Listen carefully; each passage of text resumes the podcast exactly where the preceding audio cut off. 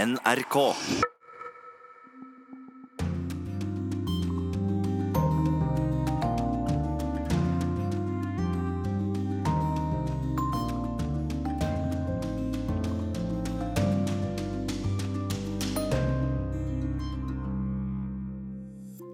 President Donald Trump spiller golf i Skottland. Mandag møter han Vladimir Putin ansikt til ansikt. Tidligere fredsmegler og utenriksminister Thorvald Stoltenberg gikk bort i går. Hvordan vil han bli husket utenfor landets grenser? Norske Penn roser Tyskland for at kona til fredsprisvinner Liu Xiaobo er satt fri fra husarrest. Norge får strykkarakter. Helsetjenesten på Gazastripen er i ferd med å bryte sammen. Vi skal høre om den lengste og mest omtalte nynazistsaken i Tyskland, og vi skal møte en tidligere prostituert kvinne i Istanbul som vier livet sitt for å hjelpe samfunnets tapere.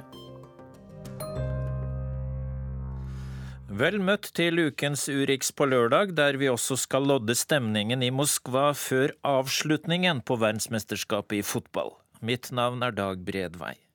Først Storbritannia. Der fortsetter demonstrasjonene mot at president Donald Trump er der. Resten av helgen skal Trump tilbringe i Skottland, der barndomshjemmet til moren hans er, og der Trump har et stort golfanlegg. Korrespondent Øyvind Nyborg har sendt oss denne reportasjen. Donald Trump kommer ut på balkongen på Turnberry Golf Resort i Skottland. I dress og karakteristisk rødt slips vinker han til frammøtte fotografer.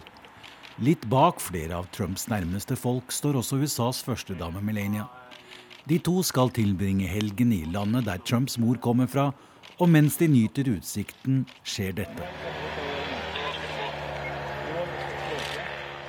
En paraglider flyr rett over hodene på dem med et stort gult flagg med påskriften 'Trump vel under par'. Og stuntet var det Greenpeace som sto bak. Også i Glasgow var protestene i gang. Um, Det er viktig at Trump får beskjed om at han ikke er velkommen i Storbritannia og Skottland, sier en av de frammøtte. Han er klimafornekter, han leder verden på kanten av krig, og tiden er inne for at vi sender en beskjed om at vi står side om side med våre meningsfeller i USA, sier en tredje til BBC.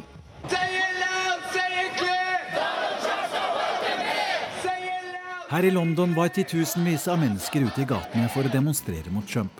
En oppblåsbar figur av Trump som skulle forestille ham som en baby, svevde over Westminster, mens presidenten møtte statsminister Theresa May til et møte på hennes landsted.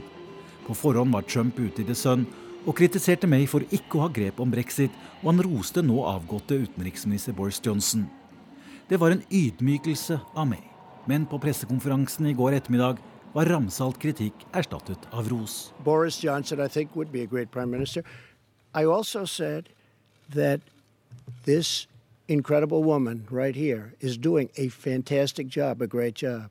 Trusselen om at ikke det kom til å bli noen handelsavtale mellom USA og Storbritannia, var også dempet betraktelig.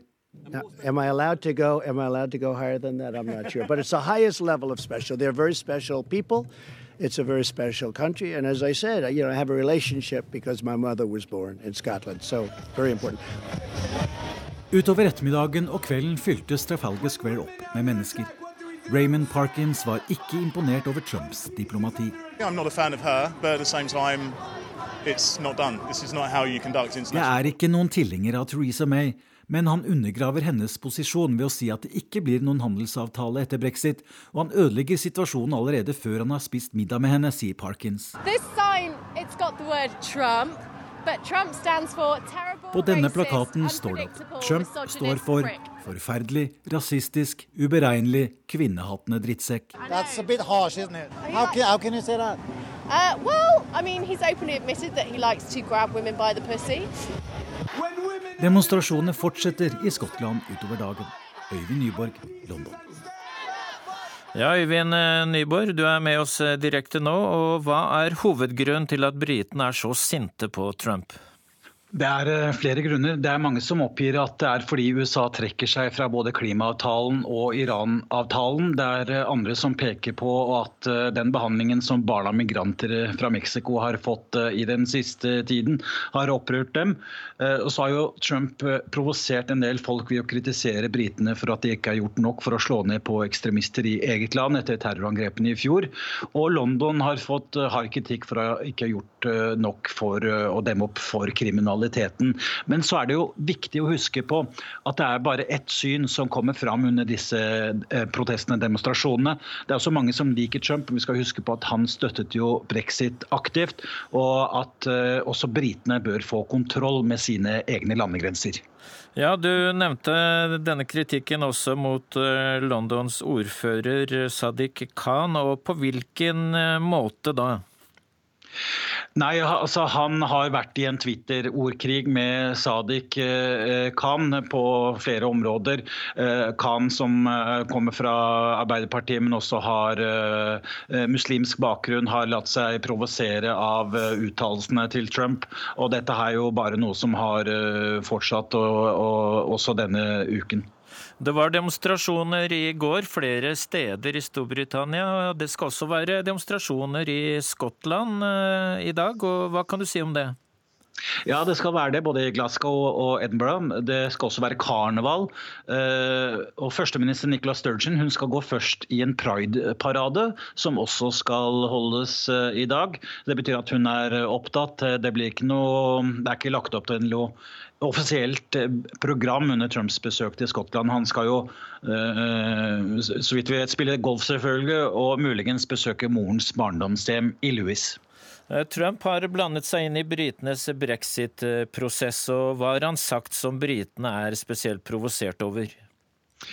Han kritiserte meg for ikke å ha gjort en god nok jobb eh, for å klekke ut en plan for eh, brexit. Han sa at eh, hun ikke hadde lyttet til hans råd.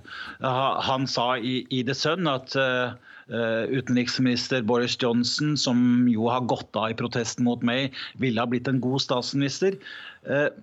Fordi det vil ligne litt for mye på et EU-medlemskap. Denne nye brexit-planen mener Trump at Storbritannia bare kunne se langt etter en handelsavtale med USA. Det er jo noe britene så sårt eh, trenger. Så det var en ren ydmykelse av meg som eh, sliter enormt på hjemmebane fra før med eh, full krig i egen regjering i det konservative partiet. Derfor så var det viktig for meg og for Storbritannia at eh, Trump gikk langt i å unnskylde seg overfor meg på pressekonferansen i går. At han også sa at dersom Storbritannia ikke binder seg for mye til EU, så er eh, USA mer enn villig til å skrive under på en handelsavtale med britene. Så det var to viktige avklaringer for meg. Men om hun lykkes i eh, sitt brexit-prosjekt, det er jo en helt annen sak. Takk skal du ha, Øyvind Nyborg i London.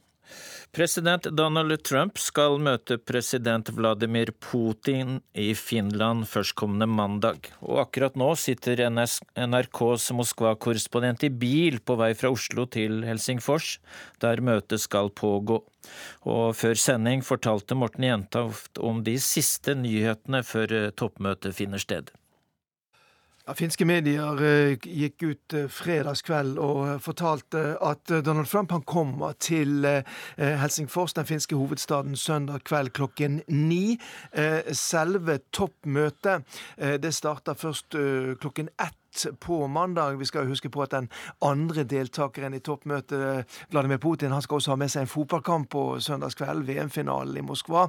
Så han trenger litt tid da, til å komme seg til Finland. Så dette skal foregå på det eh, finske presidentslottet på Salutorget i sentrum av den finske hovedstaden. Det er jo relativt begrenset lokale, så det blir jo ikke eh, så mange journalister som kan få være med på en slik pressekonferanse der inne. Men det kan bli en felles pressekonferanse? Det er i hvert fall det som det legges opp til. Men eh, eh, sånn som jeg leser eh, finske medier nå her på morgenkvisten, så er man usikker helt på til det siste på egentlig hva som kommer til å skje her. Har russere flest store forventninger til toppmøtet? Man følger nok veldig nøye med på det som skal skje. Dette har jo vært et møte man har snakket om helt siden Trump ble valgt til president, og det er jo ett og et halvt år siden. Så mange har jo etterlyst hvorfor har det ikke blitt et slikt møte. Men vi vet jo grunnen til det. Det henger jo sammen med den innenrikspolitiske situasjonen i USA, der det har vært veldig veldig vanskelig for Donald Trump da, å, å, å vise eh, at han ønsker noe som helst slags samarbeid med, eh, med russerne, så lenge denne etterforskningen om mulig russisk innblanding da i, i, det amerikanske valget uh, har fortsatt. Og der kom det jo nye opplysninger så seint som i, i, i, går, da, der man altså uh, peker ut tolv uh, russiske etterretningsoffiserer som har vært med på en slik operasjon. Du har snakket med russere på gata i Moskva denne uka, og vi skal høre hva de sier i forkant av toppmøtet. Конечно, обязательно буду смотреть. Это важные встречи, вы считаете? Конечно, важно. Почему важные? Selvfølgelig kommer jeg til å følge nøye med på nyhetene, sier Venera, som jeg treffer på Boulevardringen i sentrum av Moskva. Vi bør være venner, sier kvinnen, før hun haster av gårde i sommervarmen. Телевид Норвегии. Я могу дать вам один вопрос. Вы будете внимательно смотреть встречи между Путиным и Трампом в Хельсинки? Интересно для вас? Да, да, буду. Да, интересно. Почему это важно для вас? Jo da, jeg kommer også til å følge med, sier en mann som likevel ikke har altfor store forventninger til hva som kommer ut av møtet i Helsingfors på mandag. Конечно, интересно. Почему интересно? Ну, вы знаете, настолько э, en som kommer til å følge spesielt godt med på det som skjer, er Tatjana, som sammen med sin venninne og arbeidskollega Jelena har til oppgave å overvåke nyheter. Vi som bor her i Moskva, vi har et tett forhold til Amerika, sier hun. Hun sier at både Russland og USA i utgangspunktet er bra land som bør kunne samarbeide og leve fredelig sammen. Vi trenger fred. Jeg har mange venner i Amerika, sier Tatjana.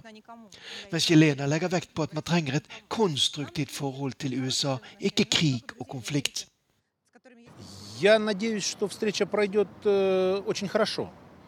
Jeg treffer også Aleksandr Kobrinskij, professor i historie, men også politiker for det nasjonalistiske liberaldemokratiske partiet til Vladimir Zjirinovskij. Han har store forventninger til mandagens møte mellom Trump og Putin. Det at to personer som ærlig kjemper for sine lands interesser, møtes, ja, det er bra. Jeg har stor respekt for Trump, sier Kobrinskij, som legger til at det har han også for Vladimir Putin, som han mener er en mann som gjør det som han sier, på samme måte som Trump. Я жду, что это будет их первая, ну, в кавычках, официальная встреча. Jeg mener det er svært bra at det endelig blir et toppmøte på dette nivået, sier Kobrinski. At de nå har brutt denne kunstige barrieren, og at de prøver å finne løsninger på problemer, selv om disse løsningene kanskje ikke kommer med en gang, sier den russiske professoren og politikeren. Я думаю, безусловно, они попытаются обсудить Сирию.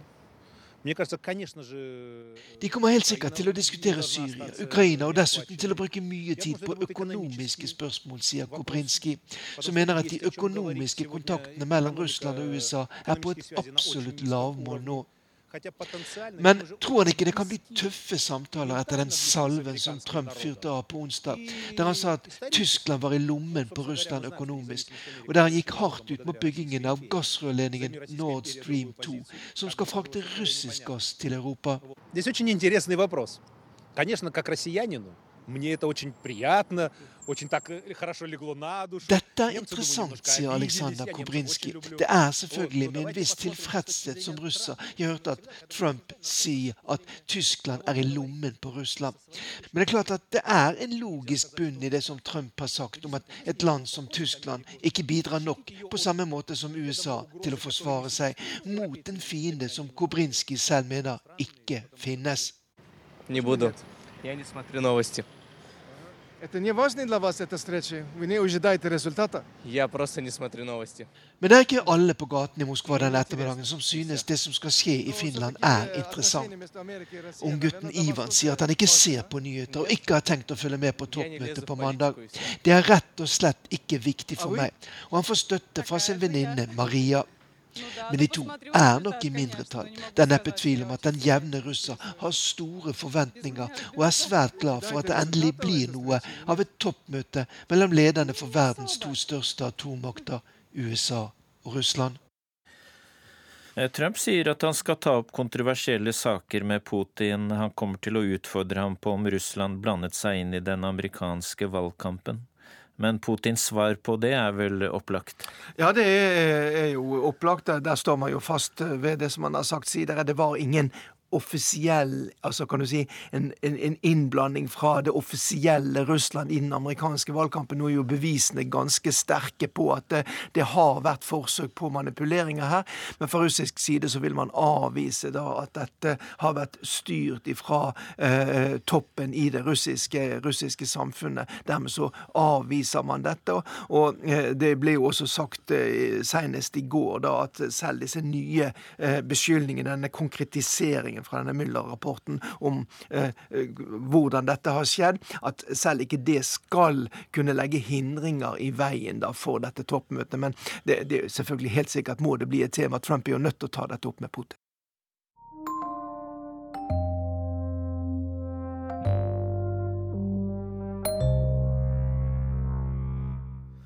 Tidligere fredsmegler, forsvarsminister, utenriksminister og president i Røde Kors, Thorvald Stoltenberg, gikk bort i går, 87 år gammel. Det siste døgnet har vi hørt og sett hvor mye han har betydd for mange her hjemme. Også ute i verden satte Thorvald Stoltenberg dype spor etter seg, skal vi høre nå fra Carl Bildt og Jan Egeland. Og Carl Bildt, tidligere utenriksminister og statsminister for broderfolket. Du var også EUs og senere FNs spesialutsending til det tidligere Jugoslavia. Eh, hvordan eh, vil Thorvald Stoltenberg bli husket utenfor Norges grenser, tror du? Eh, Thorvald blir ju ihågkommen i olika delar av världen på olika sätt. På Balkan spelade han ju en roll, det är ingen tvekan om detta. Jeg jag samarbetade nära med honom och han hade ju en bakgrund här. Han hade tjänstgjort i, eh, han hade tjänstgjort i Belgrad som ung diplomat. Eh, han betydde mycket för förbindelserna här. Sen har han ju betytt väldigt mycket det nordiska samarbetet i olika hänseenden. Vi hade den så kallade Stoltenberg-rapporten för ett antal år sedan när vi försökte bryta ny mark för, utrikes, eller för säkerhets och försvarspolitiskt samarbete. Eh, sen har han ju varit aktiv inom Förenta Nationerna. Röda Korset har redan nämnts, så att hans roll är ju, var ju vida större bara än den norska inrikespolitiska rollen. Ja, hva vil du trekke fram som Stoltenbergs egenskaper som eh, fredsmegler? Ja, framförallt var han ju en, en, en, en genuin och gedigen och varm och sympatisk människa. Och det betyder mycket. Sen var han också en kunnig politiker, det är en annan sak. Men han, eh, han var ju en person som det var, svårt, det var svårt att inte om Torvald. Även de som kanske var skeptiska mot ett och annat han sa i fredsmäkleri är det alltid fallet. Du träffar alltid personer som tycker helt annorlunda och vill att du ska göra helt annorlunda. Så hade ju Torvald en personlighet som övervann mycket av detta. Ehm, så att hans, hans personlighet var ju också en nyckel till hans, eh, hans politiska roll. Eh, du blir med oss litt videre. Jan Egeland, eh, generalsekretær i Flyktninghjelpen. Eh, du er på reise. Du og Stoltenberg har jobbet mye sammen også, og hatt svært beslektede oppgaver fra politikk til fredsmegling, FN-posisjoner og også innenfor bistand. Og først fra Balkantiden, hva vil du trekke fram? Jeg reiste med eh, Torvald og eh, lord Hoven, som var EU-megleren, eh, rundt omkring på Balkan, og så akkurat det Carl Bildt sa. Torvald spilte en helt annen rolle enn det lord Hoven gjorde, som var den store taleren, lingvisten. Han kunne holde fantastiske pressekonferanser. Men han fikk jo ofte ikke et nært forhold til aktørene. Det fikk Torvald. Så disse medmenneskelige og mellommenneskelige egenskapene til Torvald var viktige både hjemme og ute. Men la oss også huske han var meget strategisk. Eh, han, han ville ha resultater. Så når han snakket om kompromiss, var det jo ikke fordi at han ikke ønsket fullt gjennomslag. Han visste at kompromisset var det som ville være det varige og det mest realistiske. Eh, Stoltenberg hadde også en del problemer, spesielt på Balkan. Han ble av den ene siden oppfattet som altfor vennlig innstilt eh, overfor serberne, bl.a. Eh, han hadde tidligere altså jobbet på ambassaden i Beograd, og ble den bakgrunnen en ulempe for ham, Carl Bildt? Nei, det tror jeg ikke. Nesten alle, eller jeg skulle nesten si alla som har vært aktive og forsøkt å mekle fred med Balkan, har de ulike aktørene forsøkt å sette inn i det ene eller det andre faktet. Amerikanske Holbrook så som en mann som var bare på den muslimske siden. Madeleine Albright på kosovo-albanernes side. Eh, Torvald så som litt vennligere mot serberne. Jeg har blitt anklaget for begge. Det ligger litt i sakens natur at de ulike partene forsøker å spille på det her settet. Men eh, det avgjørende er, som Jan Egeland sier, det avgjørende er at man hadde jo formåga å komme fram til de ulike aktørene og tale realistisk med dem om hva som var mulig og hva som var umulig. Og det inngår jo også at man får leverere et antall tøffe budskap som ikke alltid er så populære. Eh, Torvald Stoltenberg satt tre perioder som president i eh, Røde Kors. Og det blir sagt at du var delaktig i at han eh, tok den jobben, Jan Egeland? Ja, jeg foreslo jo Torvald til valgkomiteen i Røde Kors i sin tid. Nettopp fordi jeg visste han ville bli fantastisk i å representere organisasjonen, men også i å være med å bygge organisasjonen. Eh, det jeg faktisk ikke visste, var at han ville kaste seg enda mer inn i å bygge eh, Røde Korses humanitære aktiviteter i Norge enn internasjonalt. Han sa at det internasjonale går jo bra av seg selv. Vi må bygge nye aktiviteter i Norge, bl.a. innen rusomsorgen, som jo lå nær til hans hjerte pga.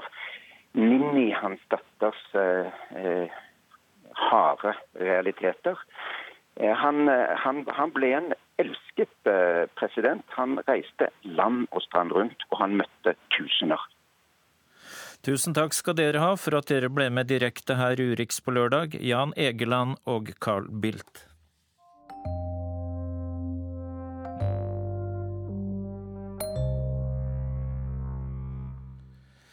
En gang var kvinnen vi skal møte nå, en prostituert på en tyrkisk bordell i Istanbul. Men nå driver Aise Tukurukcu sin egen restaurant som tar vare på hjemløse og samfunnets tapte sjeler. For hun vet godt hva som skal til for å reise seg fra bunnen. Sissel Wold har truffet denne spesielle kvinnen. Hun tar hele rommet når hun kommer inn døren til restauranten. Aishe Tukurukchu ler sin hese latter og kaster det lange håret bakover. Gudene skal vite at livet ikke alltid har smilt til denne 51-åringen. Men nå er hun dronning i sitt eget rike, blant de utstøtte. Hver kveld inviterer hun fortapte sjeler til gratis middag. Restauranten Hayata Saril Lokantadasi eller Omfavn livrestauranten er hennes verden nå. Jeg ble voldtatt av onkelen min da jeg var ni år. Overgrepene varte i fire måneder, og da familien min oppdaget dette, sendte de meg til et barnehjem, forteller Aisha Tukurukchu. Hun snakker uten å være sentimental. Da hun kom tilbake til familien etter å ha vært på barnehjemmet, ble ikke livet lettere. Moren slo henne, ofte med en kjevle. Til slutt rømte hun. Jeg bodde mye på gaten og kjøpte kinobilletter for å sove mens de viste film i kinoen. Jeg mistet ikke æren min, men barndommen min, sier hun til NRK. Mot alle odds fullførte hun skolen og fikk seg jobb i en bar der hun også kunne sove. Noen år senere giftet hun seg, men ble skilt etter kort tid. Det var ikke lett å være en skilt kvinne på den tyrkiske landsbygda på 1990-tallet, så hun giftet seg igjen med en mann som var skredder. Ifølge tradisjonen må du gå visittrunden hos familien hans etter at du har giftet deg. Han introduserte meg til flere personer som jeg trodde var onkler og tanter. Men så viste det seg at de var bordelleiere. Han forsøkte å selge meg, forklarer hun. De såkalte familiemedlemmene ba henne om å undertegne et dokument uten at hun skjønte helt hva som sto der. Det skulle vise seg å være en kontrakt med et bordell. I tre år ble hun solgt til menn i et bordell i Kutaya vest i Tyrkia.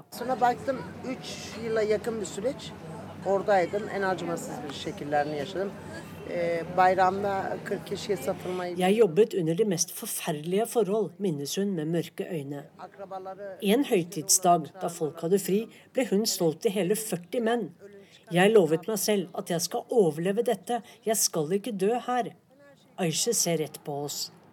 Hennes vei ut fra bordellet ble å gifte seg med en av kundene sine. Og nå sitter hun her ved et bord utenfor restauranten i sentrum av Istanbul, like ved Taksim-plassen. På vinduene til restauranten hennes, eller kafeen, har hun skrevet ord som helse, kjærlighet, håp, fred og klem. Mens vi snakker sammen, har menn begynt å stille seg opp i en lang kø utenfor døren. Det er dem hun bryr seg om nå, de nederst i samfunnet. Mennene som står i køen, ser slitne ut. Blikkene deres er uten gnist, uten stolthet. Alkolik, madde yaşlı, yanı sıra aralarında pedofilin, yanı sıra aralarında mahkumlar. Bu yüzde 80'in içerisindeki. 80 av dem har psykiske problemer. Noen er alkoholikere, andre er tidligere kriminelle, mens enkelte er pedofile. Resten er folk som bare er fortapt i samfunnet. Aisha Tukurukchu skjermer dem. Hun vil ikke at vi skal gå bort og spørre dem om hvorfor de kommer hit. De bærer alle på tragedier og et ydmykende liv Aisha kjenner så altfor godt. Men en som gjerne snakker med oss, er Okeanus. Mens hun heller vann i vannmugger for å sette på bordene der maten snart skal serveres, forteller hun hvorfor hun ble hjemløs.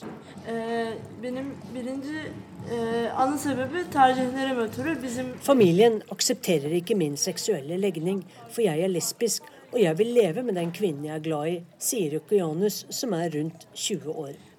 Hun har kortklippet hår, hvit T-skjorte og et regnbuefarget smykke. Etter å ha jobbet et halvt år her, får hun lære mye. Matlaging, budsjettplanlegging og hygiene for storkjøkken. Etter de seks månedene skaffer Aisha sine praktikanter muligheter for å jobbe på en av Istanbuls mange store restauranter. Her i restauranten trenger jeg ikke å skjule identiteten min. Jeg kan være akkurat den jeg er, og bli respektert for det, sier hun. Aisha Tukurukchu gir yngre hjemløse som Okeanus en ny start. Når de forlater Aishas rede og kan fly, går jobbene deres til en annen hjemløs. Slik hjelper den tidligere prostituerte folk som faller utenfor, til å karre seg tilbake til livet igjen. Nå er middagen servert, og de mange mennene i køen kan endelig sette seg ned og spise.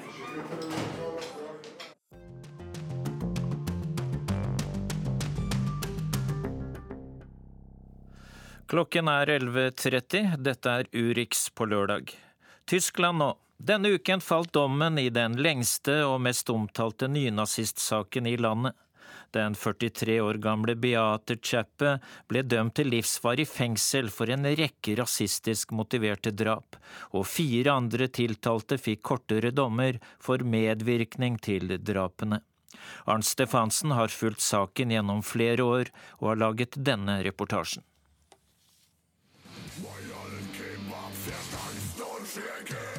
En uhyggelig nazirock forteller historien om den verste naziforbrytelse i Tyskland etter den annen verdenskrig. Fra år 2000 til 2007 reiste to unge nynazister rundt i Tyskland og drepte til sammen ni innvandrere. Åtte tyrkere og én greker. I 2011 ble de to omringet av politiet etter et bankran, og valgte å ta sitt eget liv. Den antatte lederen for gruppen, Beate Chepe, ble arrestert og stilt for retten. Og denne uken falt dommen i Oberlandesgericht, lagmannsretten i München. Die Hauptangeklagte wurde schuldig gesprochen wegen Mitgliedschaft in einer terroristischen Vereinigung. Den hovedanklagede er funnet skyldig i medlemskap i en terrororganisasjon. Hun er funnet medskyldig i drap på ni mennesker og i to bombeattentater og en brannstiftelse. Selv om det ikke er bevist at tiltalte var på åstedet for noen av drapene, er hun dømt til lovens strengeste straff, fengsel for livstid, sier rettens talsmann Florian Glivitski. Dermed er det satt foreløpig sluttstrek for den lengste nazirettssak i tysk etterkrigstid, en sak som også er enestående når det gjelder forbrytelsens karakter.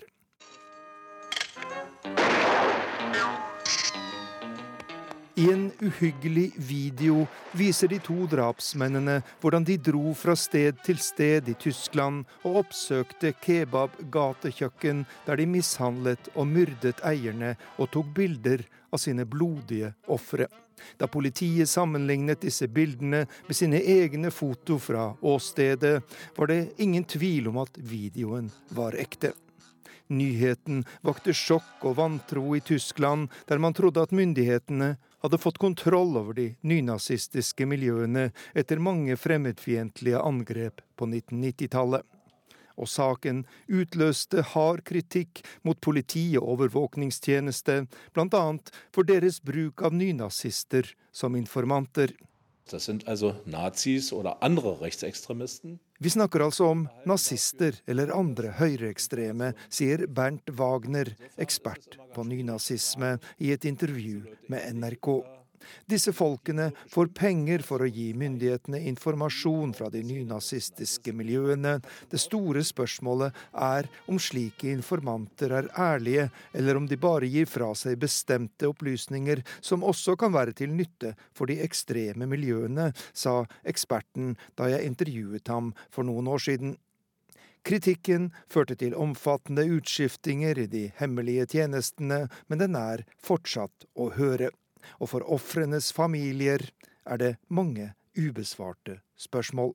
Ja, die Aufklärung endet nicht heute. In vielerlei Hinsicht beginnt die Aufklärung heute.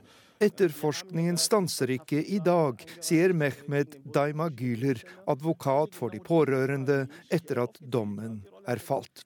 På mange måter er det nå etterforskningen starter. Vi har allerede i gang en klagesak mot tyske myndigheter, der vi ber om en redegjørelse når det gjelder følgende spørsmål. De hemmelige tjenestenes rolle i denne saken, og hva myndighetene vil gjøre for å bekjempe rasismen som ligger bak disse forbrytelsene, sier advokaten. Han er likevel fornøyd med dommen.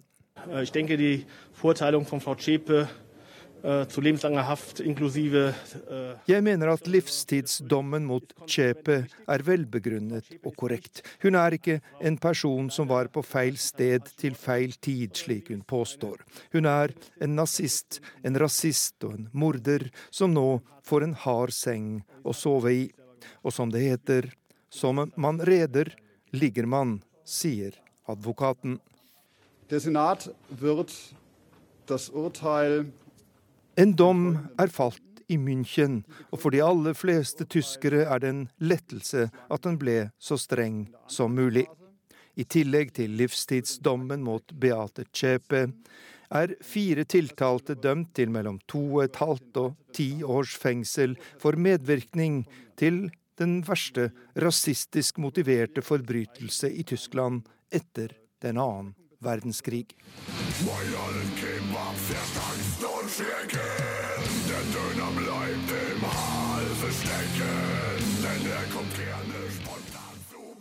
Langt sprang tematisk, men ikke geografisk her i Urix på lørdag.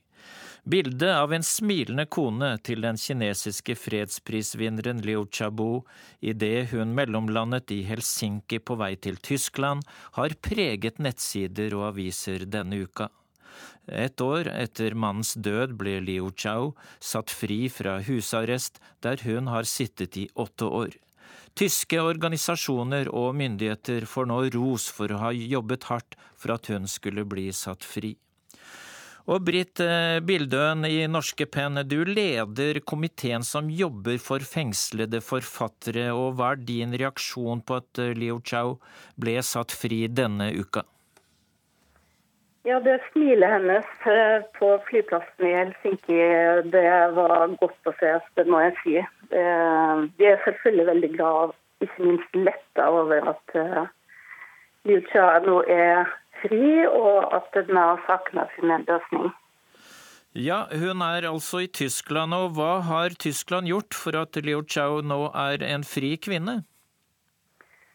Tyske myndigheter har jobba ganske lenge for å få Liuta ut av Kina. Ehm, og ikke minst det siste året etter at mannen hennes døde, så har de drevet et ganske intenst stille diplomati for å få dette til. Og det er tyske Penn som har hatt en rolle der? Tyske Penn har også hatt en rolle sammen med ikke minst veldig mange av hennes venner. Altså, det er jo ganske mange kinesiske dissidenter i, uh, som lever i Tyskland, som også har vært ganske aktive i, i denne saken. Og det er jo særlig altså, Liu Jia har jo sittet klar med kofferten ganske mange ganger i løpet av denne våren her, fordi at det har vært nære på at hun har fått slippe ut, og så har det i siste liten kommet noe i veien. Så det som skjedde i slutten av april, begynnelsen av mai, var jo at en av hennes venner, en som heter Lia Yudu, eh, offentliggjorde en telefonsamtale som han hadde tatt opp med henne, der, hun, der det kom veldig tydelig frem hvor desperat og syk hun har blitt. Ja, hun var svært eh, deprimert og langt eh, nede da. Ja, det var jo, det kommer veldig tydelig frem i denne telefonsamtalen. Og det kan du si trigga en ny bølge av aksjoner for Luja. Fordi at nå har jo man har jo visst om at tyske myndigheter har jobba i det stille, og man har holdt seg litt tilbake. Men når dette her ble offentliggjort, så bestemte også vi oss i Norsk Penn for at vi ville intensivere aksjonen for Lucha. Bare veldig kort, norske myndigheter får en del kritikk for å gå stille i dørene for ikke å provosere kinesiske myndigheter, og deler du den kritikken? Ja, for å si det sånn, jeg tror det må være ganske underlig og, ikke, og ganske, også ganske smertefullt for uh, norske myndigheter å sitte på gjerdet nå og se at uh, europeiske kollegaene deres jobber for en sak som har en såpass sterk tilknytning til Norge. Og Nå er det jo ikke norske, norske regjeringen som deler ut fredsprisen, men vi mener jo det at norske myndigheter har et spesielt ansvar for enka etter Liu Chabo, som da fikk fredsprisen i 2010. Tusen takk skal du ha, Britt Bildøen i Norske Penn.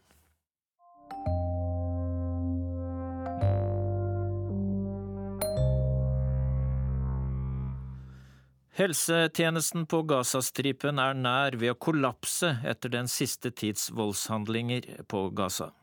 Ifølge tall fra Røde Kors har over 13 000 palestinere blitt skadd etter at protestene startet i slutten av mars. Anja Strønen har laget denne reportasjen.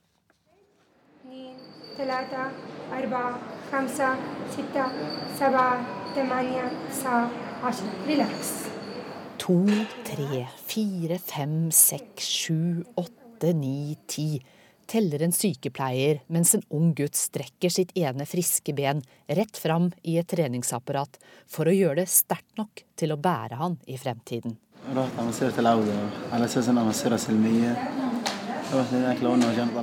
Jeg ble truffet i foten av et skudd i forbindelse med demonstrasjonene nær muren mot Israel, sier Mohammed i Mosabak. Iført rød T-skjorte og en avklippet bukse har han satt seg opp på en benk på et rehabiliteringssenter i Gaza. Han smiler forsiktig mens han kaster et raskt blikk nedover kroppen sin, der det skulle vært to spreke ben, passende for en ung gutt på 17 år. Alt han nå ser er ett og et halvt ben, det ene amputert like under kneskålen. Mohammed er én av 13 000 palestinere som ifølge tall fra Røde Kors er blitt skadd etter den siste tids voldshandlinger på Gaza. Lyden av sykebiler som går i skytteltrafikk på Gaza, kan høres døgnet rundt. Etterfulgt av lyden fra ambulansebårene som trilles i full fart inn på de allerede overfylte sykehusene. Så stor er pågangen at helsetjenestene på Gaza er nær kollaps. Okay, okay. Generalsekretær i Røde Kors Bernt Apeland er på rundreise i Gaza for å se på helsesituasjonen. Sykehusene her i Gaza er nå helt sprengt. Alle rom er overfylte. Det ligger pasienter i korridorene med kompliserte skuddskader. Shifa-sykehuset i Gaza by er det største sykehuset på Gazastripen med over 1700 ansatte og 700 sengeplasser. Men selv de kom til kort 14. mai i år. Det var den dagen Israel feiret at det var 70 år siden de erklærte seg som selvstendig stat. Dagen palestinerne kaller nakba, katastrofen. For direktøren ved Shifa-sykehuset Methat Abbas var det en av de verste dagene på jobb. Patients were lying on the ground, they were bleeding. There was nobody able to stop their bleeding. The surgeons were not enough. All the operation rooms were operating along the hours, but unfortunately, there was no room for extra patients. So I called the retired doctors from their homes. I said, for God's sake, come and help me. Ingen greide å stoppe blodet som strømmet ut fra alle de skadde pasientene som lå på bakken. Vi hadde ikke nok kirurger. Alle operasjonsrommene var i bruk døgnet rundt. Jeg måtte ringe til pensjonerte leger og si for Guds skyld, kom og hjelp meg. Dermed fikk vi reddet noen pasienter, sier Abbas. Minst 137 palestinere er drept siden slutten av mars, da innbyggerne på Gazastripen begynte å holde ukentlige demonstrasjoner nær grensen mot Israel. De protesterer mot det de mener er retten til å vende tilbake til hjemstedene sine i dagens Israel. Et krav Israel avviser. Israel mener det er Hamas som står bak de voldelige opptøyene. Og konflikten ser bare ut til å øke i omfang. Den siste tiden har palestinerne sendt flere tusen brennende ballonger og drager over grensen. Ifølge den israelske forsvarsministeren har det rammet 28 000 kvadratmeter med viktige jordbruksområder.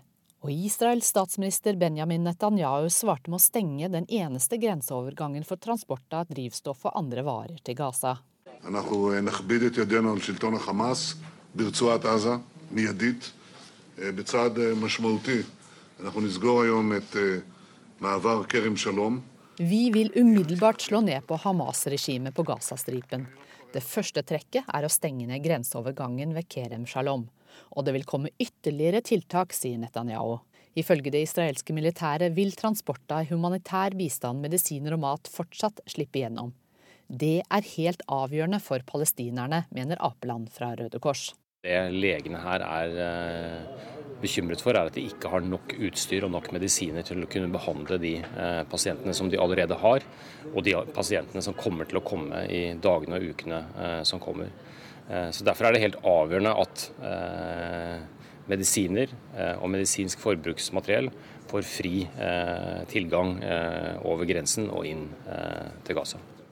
Ikke nok med at de allerede for lengst hardt pressede sykehusene i Gaza må takle alle de nye sårede som strømmer på fra demonstrasjonene. Ifølge Røde Kors har nærmere 1400 pasienter så alvorlige skader at de vil kreve tre til fem operasjoner hver. Og tusenvis av innbyggere på Gaza står overfor langvarig helsebehov som helsetjeneste ifølge Røde Kors ikke er i stand til å håndtere. 17 år gamle Mohammed er en av dem. Først må den amputerte benstumpen gro godt nok. Så kan han håpe det er mulig med nok opptrening, og senere tilpassing av protese. For drømmer om livet videre har han fortsatt.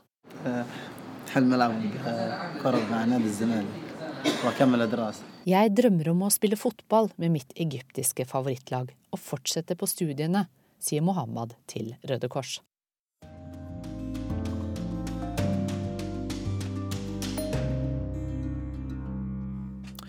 Det er ikke så ofte vi har sport i Urix på lørdag. Vi gjør et unntak i dag. Denne helgen avsluttes VM i fotball i Russland.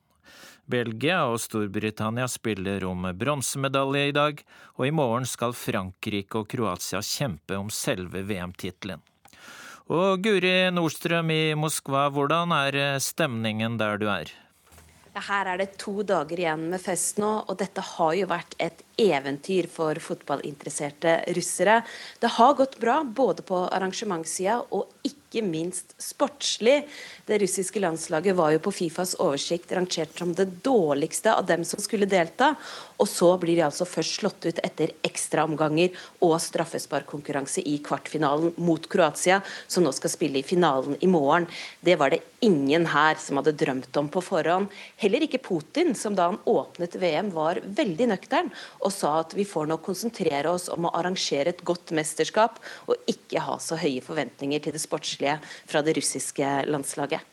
Ja, Han er jo mest kjent for ishockey, kanskje, siden han spiller ishockey selv. Så russerne de er stolte både over laget sitt og over hvordan de har gjennomført mesterskapet? Absolutt, og det var jo dette alle jeg snakket med før arrangementet håpet på. Å kunne vise frem Russland på en god måte.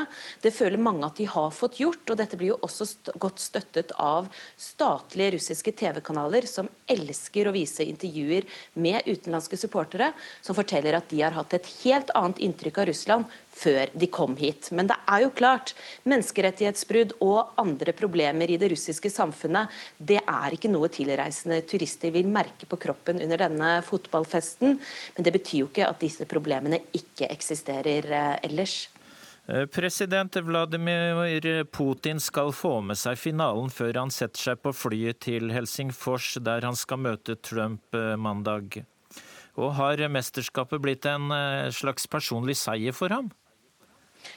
Ja, han vil nok bli stående igjen som en av VMs store seierherrer. Han har hatt besøk av både Fifa-presidenten og fotballegender i Kreml som har sagt hvor begeistret de er for landet. VM har også blitt et av de mest politiserte sportsbegivenhetene vi har eh, sett. Det er mange statsledere som kommer hit i forbindelse med arrangementet. Israels statsminister Benjamin Netanyahu har hatt møte med Putin og snakket om Syria. Under åpningskampen så møttes Putin og Saudi-Arabias mektigste mann eh, kronprins Mohammed bin Salman. og Der ble de enige om et samarbeid om oljeproduksjonen. og Dette er da bare noe av alt det som har skjedd i skyggen av eh, kampene.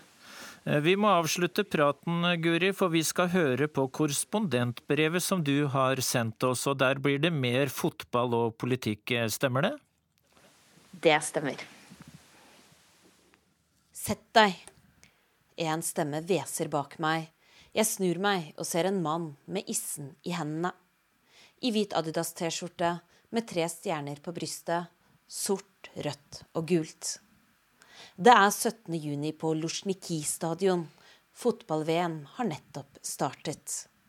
Jeg er sommervikar på korrespondentkontoret i Moskva og har ved hjelp av ufortjent flaks fått billett til Tysklands første kamp. 34 minutter og 33 sekunder inn i kampen skjer noe som ikke er ufortjent. Mexicos Irving Lozano skårer. 22-åringen med kallenavnet Chucky har ikke vært på landslaget i mer enn to år. Nå har han senket den regjerende verdensmesteren.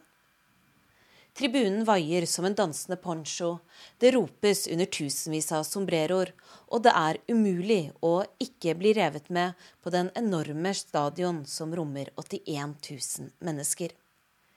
Heller ikke for meg, som vel egentlig er programforplikta til å heie på Tyskland som Berlin-korrespondent. Men siden jeg også har vært utvekslingsstudent i Latin-Amerika et år på videregående, så er en stor del av hjertet mitt lagt igjen der også.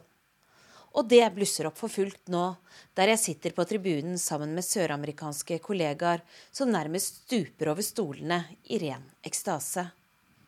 Stakkars tyskeren bak oss. Men innerst inne tenker jeg, la de nå få dette. Tyskerne tar det igjen. De gjør jo alltid det, selv om jeg vet at det som skjer, er oppsiktsvekkende. Die Mannschaft har ikke tapt en eneste åpningskamp i fotball-VM på 32 år. Mexico har gjort Tyskland til latter. Jeg har aldri sett et tysk lag bli revet i fillebiter så ofte, sier tidligere Chelsea-spiller Pat Newing til BBC Radio. Det er en uvant situasjon, innrømmer landslagssjef Joakim Løv til verdenspressen etter kampen. Han vet ikke da at dette bare er starten. For det skal bli flere uvante situasjoner både for Die Mannschaft og for Tyskland denne sommeren. Det er ikke bare på fotballbanen at ting går i stå. På hjemmebane får forbundskansler Angela Merkel virkelig kniven på strupen etter 13 år med hånda på rattet. Hennes svært så selvgående innenriksminister Horst Seehofer fra Bayern truer med å trekke seg dersom han ikke får lov til å instruere politiet i å avvise asylsøkere som allerede er registrerte i et annet EU-land på grensa. Merkel nekter og sier at Tyskland ikke kan ta slike egne grep uten å ha EU i ryggen, men innenriksministeren står på sitt. Og under hektiske sommeruker i juni og juli spekuleres det i om han vil trekke seg, om det kan bety regjeringens fall, og om det er dette som skal bli Merkels avskjed med politikken, etter å ha flere ganger blitt utropt til verdens mektigste kvinne, og etter å ha overlevd både finanskrise og migrantkrise. I hetebølgen halser vi journalister etter for å rapportere steg for steg, og jeg tenker at det er jo typisk at når det virkelig skal koke i politikken i dette ellers som regel så stabile landet, så skjer det i over 30 varmegrader. Jo da, riktignok var det etter forbundsdagsvalget mye frem og tilbake før de fikk i stand en regjering over et halvt år senere. Men det som skjer nå, er full kok. Samtidig i Russland blir det klart at Løv og co. har begynt å venne seg til det de mente var uvant under mesterskapets begynnelse å tape. Tyskland blir slått ut av VM allerede i det innledende gruppespillet, fire år etter at de ble verdensmestere. Den typiske tyske selvpiskingen starter. For er det noe tyskerne skal ha, så er det at de ikke skylder på andre dersom det ikke går veien. Siden andre verdenskrig har de god tradisjon på å gå i seg selv. VM-mareritt, men noe mer fortjente vi ikke, skriver landets største avis Bild. Og de fortsetter. Dette er den største skammen i tysk VM-historie. For første gang feiler vårt lag i en innledende runde. Blant tordentalene er det også noen som spøker med at Tyskland er ute nå slipper vi i hvert fall å se på at løv tar seg på balla og spiser buser, sier de. For landslagstreneren har, siden han fikk jobben i 2006, blitt kjent for uvanene sine på sidelinja. Så mye at han i 2016 beklaget etter EM-åpningskampen mot Ukraina, og forklarte at adrenalin og konsentrasjon hadde fått ham til å gjøre ting ubevisst. Til og med lagets spiss den gangen, Lukas Podolski, måtte svare for trenerens uvaner, og svarte at det går fint, 80% av oss har klødd oss på balla en gang. Ferdig snakka. Ferdig er det også for de fleste tilhengerne. I Hamburg begynte de å bygge ned området hvor 40 000 fans skulle ha fulgt kampene drøye to uker før festen var slutt. Også her i Berlin skrumper den berømte fanmila inn, der fans skulle ha stått tett i tett i sort, rødt og gult, med Berliner Kindel i den ene hånda, currywurst i den andre, foran storskjermer fra Brandenburger Tor til Seierssøylen. Jeg jogger forbi en morgen og møter Evangelos Sjotas, som eier en av drikkebodene på området. Han forteller at det ikke bare er landslaget som har tapt, selv mener han at han har tapt 10 000 euro i inntekter på det som skulle ha vært en fotballfest. Det er nesten ingen som kommer hit nå. Hvorfor skulle de det? Det er jo ingenting å feire, sier han. Kanskje hadde det vært bedre å stå nærmere Brandenburger Tor, men helt ned hit er det ingen som kommer. Vi står bare på midten av fanmila, og jeg husker tilbake for to år siden under EM, da Tyskland kom helt til semifinalen. Den gang var det lange køer bare for å komme inn på dette området, og det var trangt om plassen. Av og til så trangt at jeg valgte å se kamper hjemme istedenfor, fordi det ble for slitsomt å være der. Nå er stedet bare en skygge av seg selv. Presseakkrediteringen til området, som jeg søkte om før mesterskapet startet, har jeg ikke hentet ennå. Jeg kjenner på at det heller ikke er noen særlig vits i å gjøre det nå. Det spekuleres i om Joakim Løv kan fortsette som trener etter dette.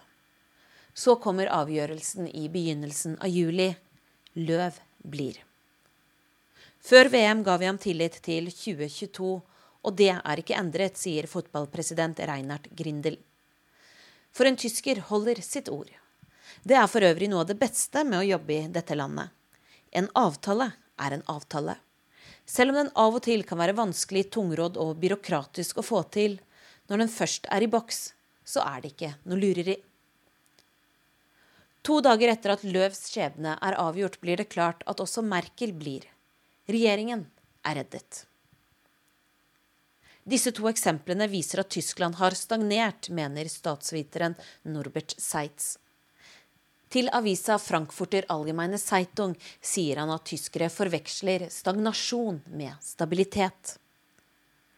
Til tross for alvorlige nederlag og betydelige mangler blir de ved sin lest, sier han. Nei, Tyskland har ikke vært helt seg selv denne sommeren men i all uroen har likevel mye av det typiske tyske stått frem. De går i seg selv når noe går galt. De holder ord, og ikke minst det aller mest kjente tyske valgkampslagordet brukt av CDU og CSU under valgkampen i 1957 gjelder fortsatt. Keine-eksperimentet. Ingen eksperimenter. Denne helga er jeg igjen tilbake en liten tur som sommervikar i Moskva når finalen i fotball-VM skal spilles. Der er det i hvert fall én ting som er sikkert. Denne gangen kom jeg ikke til å ha en hvesende og skuffet tysker i stolen bak meg. Det var Urix på lørdag denne uka. Hvis du nettopp har slått på radioen, kan vi minne om at klokken 16.30 sender vi en kortversjon av dagens sending. Teknisk ansvarlig Lisbeth Sellereite, produsent Ingvild Ryssdal og jeg, Dag Bredvei, takker for oss. God helg.